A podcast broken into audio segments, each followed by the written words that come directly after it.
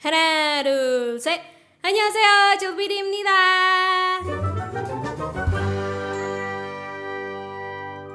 Hai semuanya, selamat datang kembali di Acil PD bersama Dian Acil. Kalau kalian bertanya jenis drama favorit gue itu apa sih? Ya sebenarnya gue itu suka banget ya sama jenis yang thriller gitu, action dan yang karakternya itu apa ya rata-rata nggak punya ahlak semua itu gue seneng kayak wow gue nonton tapi menantang nih penuh huru hara gitu.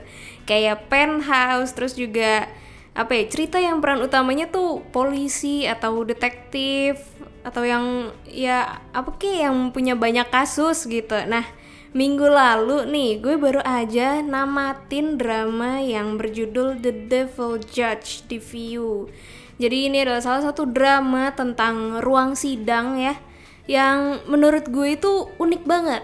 Karena di drama ini bukan cuma apa ya bukan cuma hakim yang ngasih hukuman tapi juga warga negara setempat.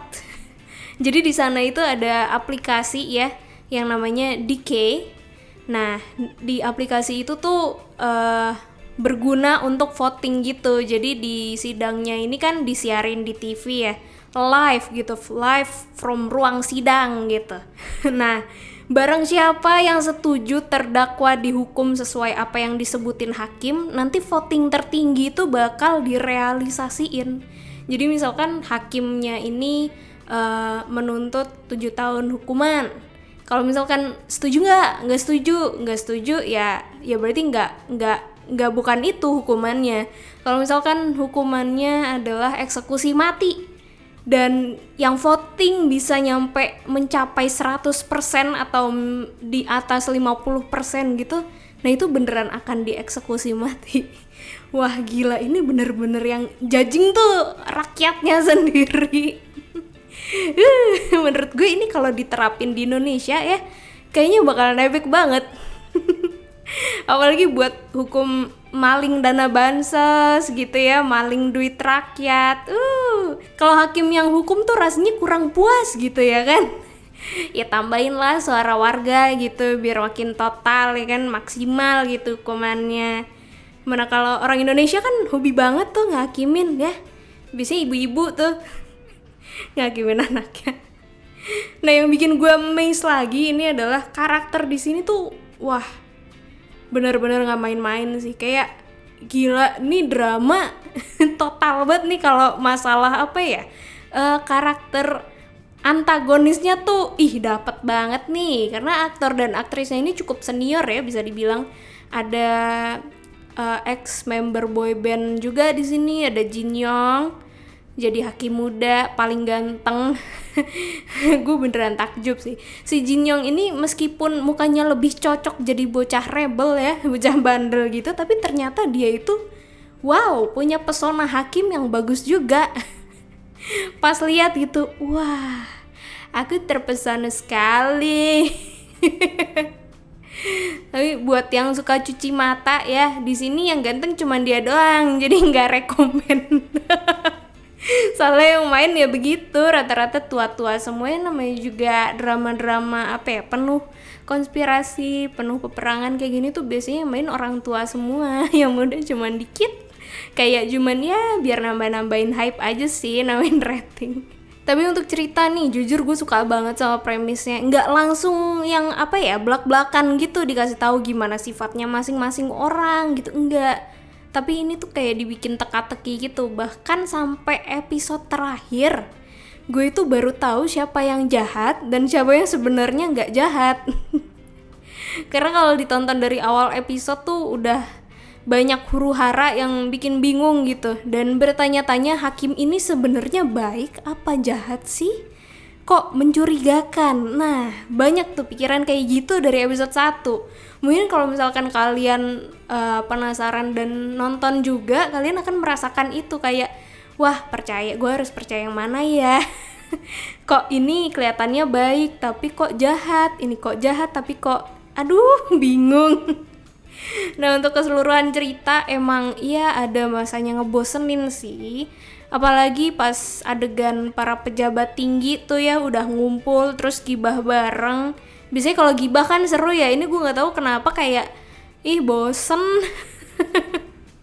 Skip aja lah sejujurnya gue paling merasa apa ya nggak membutuhkan apa-apa di situ. Gue aduh udah deh lu skip aja nih gue bosan lihat kalau kalau tuh tidak menimbulkan kesan istimewa bagi gue. Maaf maaf aja gue nonton ini cuman gara-gara ada Jinyong awal ceritanya seru jadinya gue tonton. Ya meskipun mereka terlibat juga ya dalam keseluruhan cerita gitu kayak si apa karakter-karakter pejabat tingginya ini yang gue merasa nggak perlu gitu ya kan? Ya ya udah gue mau nggak mau harus lihat mereka gue nggak suka aja lihat lama-lama. Jadi gue skip skip skip skip. Sampai ketemu Jin yang lagi. Wah gue lama-lamain deh tuh. Sampai gue ulang-ulang. Ada gak sih yang suka kayak gitu kayak gue?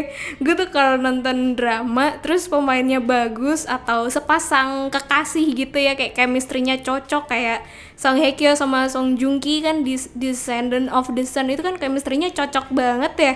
Itu tuh gue sampai aduh gue ulang-ulang itu drama terus terus gue sampai ngeliatin aduh kok gemes banget ya. Gitu gue kalau udah nge-ship kapal tuh ya nge-ship kapal gue kalau udah nge-ship seorang uh, sepasang kekasih gitu tuh gue kayak sampai kayak ih lucu banget nih gue ulang-ulang terus. Terus juga kalau misalkan ada apa uh, pemeran misalkan Ji Chang Wook, Song Joong Ki, Kim Son Ho atau Jin Yong ini tuh apa uh, di salah satu adegan yang bikin eh meleot gitu pengen gue ulang-ulang terus biar capek ngomongnya Nah, tapi untuk cerita ini trigger warning juga nih drama ini karena ini adalah drama penuh kekejaman. Seriusan, ini kejem banget, bener-bener kalau misalkan apa ya direalisasikan gitu. Pokoknya ini tuh bahaya banget kalau ditonton sama anak kecil karena ini pengaruh buruk lah pokoknya lah. Bahaya banget. Untuk apa ya? Untuk seru-seruan sih nggak apa-apa, menghibur sih menghibur. Kayak wah abis nonton ini berandai-andai. Kalau misalkan diterapin di, di Indonesia kayaknya seru deh. Tapi kalau ini ditonton sama anak kecil beneran nggak bagus. Jangan deh ya. Jangan. Nah karena penuh kekejaman jadi bagi kalian yang penakut atau nggak suka lihat keributan gitu ya ya gue tidak menyarankan untuk nonton ini. Karena di dalamnya banyak pertumpahan darah dan ya segala sesuatu yang sadis tuh pasti terjadi di drama ini. Tapi nggak sesadis di Beyond Evil ya. Kalau itu mah waduh dari episode pertama gue udah tutup. Udah tutup Netflix itu gue takut tapi kalau kalian sendiri tuh gimana sih? Kalian tipenya orang yang suka nonton thriller kah? Atau yang romance komedi? Atau drama yang alurnya lambat? Yang apa ya bawaannya happy happy aja? Kayak hospital playlist reply 1988 itu kan main aman aja tuh ya. Nggak ada tokoh antagonisnya di situ. Semuanya protagonis ya kan? Nah kalian tuh tipe yang mana sih silahkan uh, eh, DM di Instagram gue ataupun sharing sharing juga nggak apa-apa kalau misalkan pengen ngobrolin soal drama Korea atau K-pop Wah, gue belakangan lagi demen banget sama NCT Dream.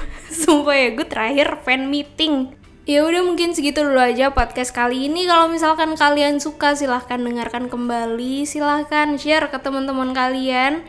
Kalau ada request drama favorit atau pengen di review drama apa pun silahkan DM ke Instagram gue di @dianacil atau Twitter gue di @dianacil underscore. Oke, Acil PD-nya udahan. Sampai bertemu di episode selanjutnya. Annyeong!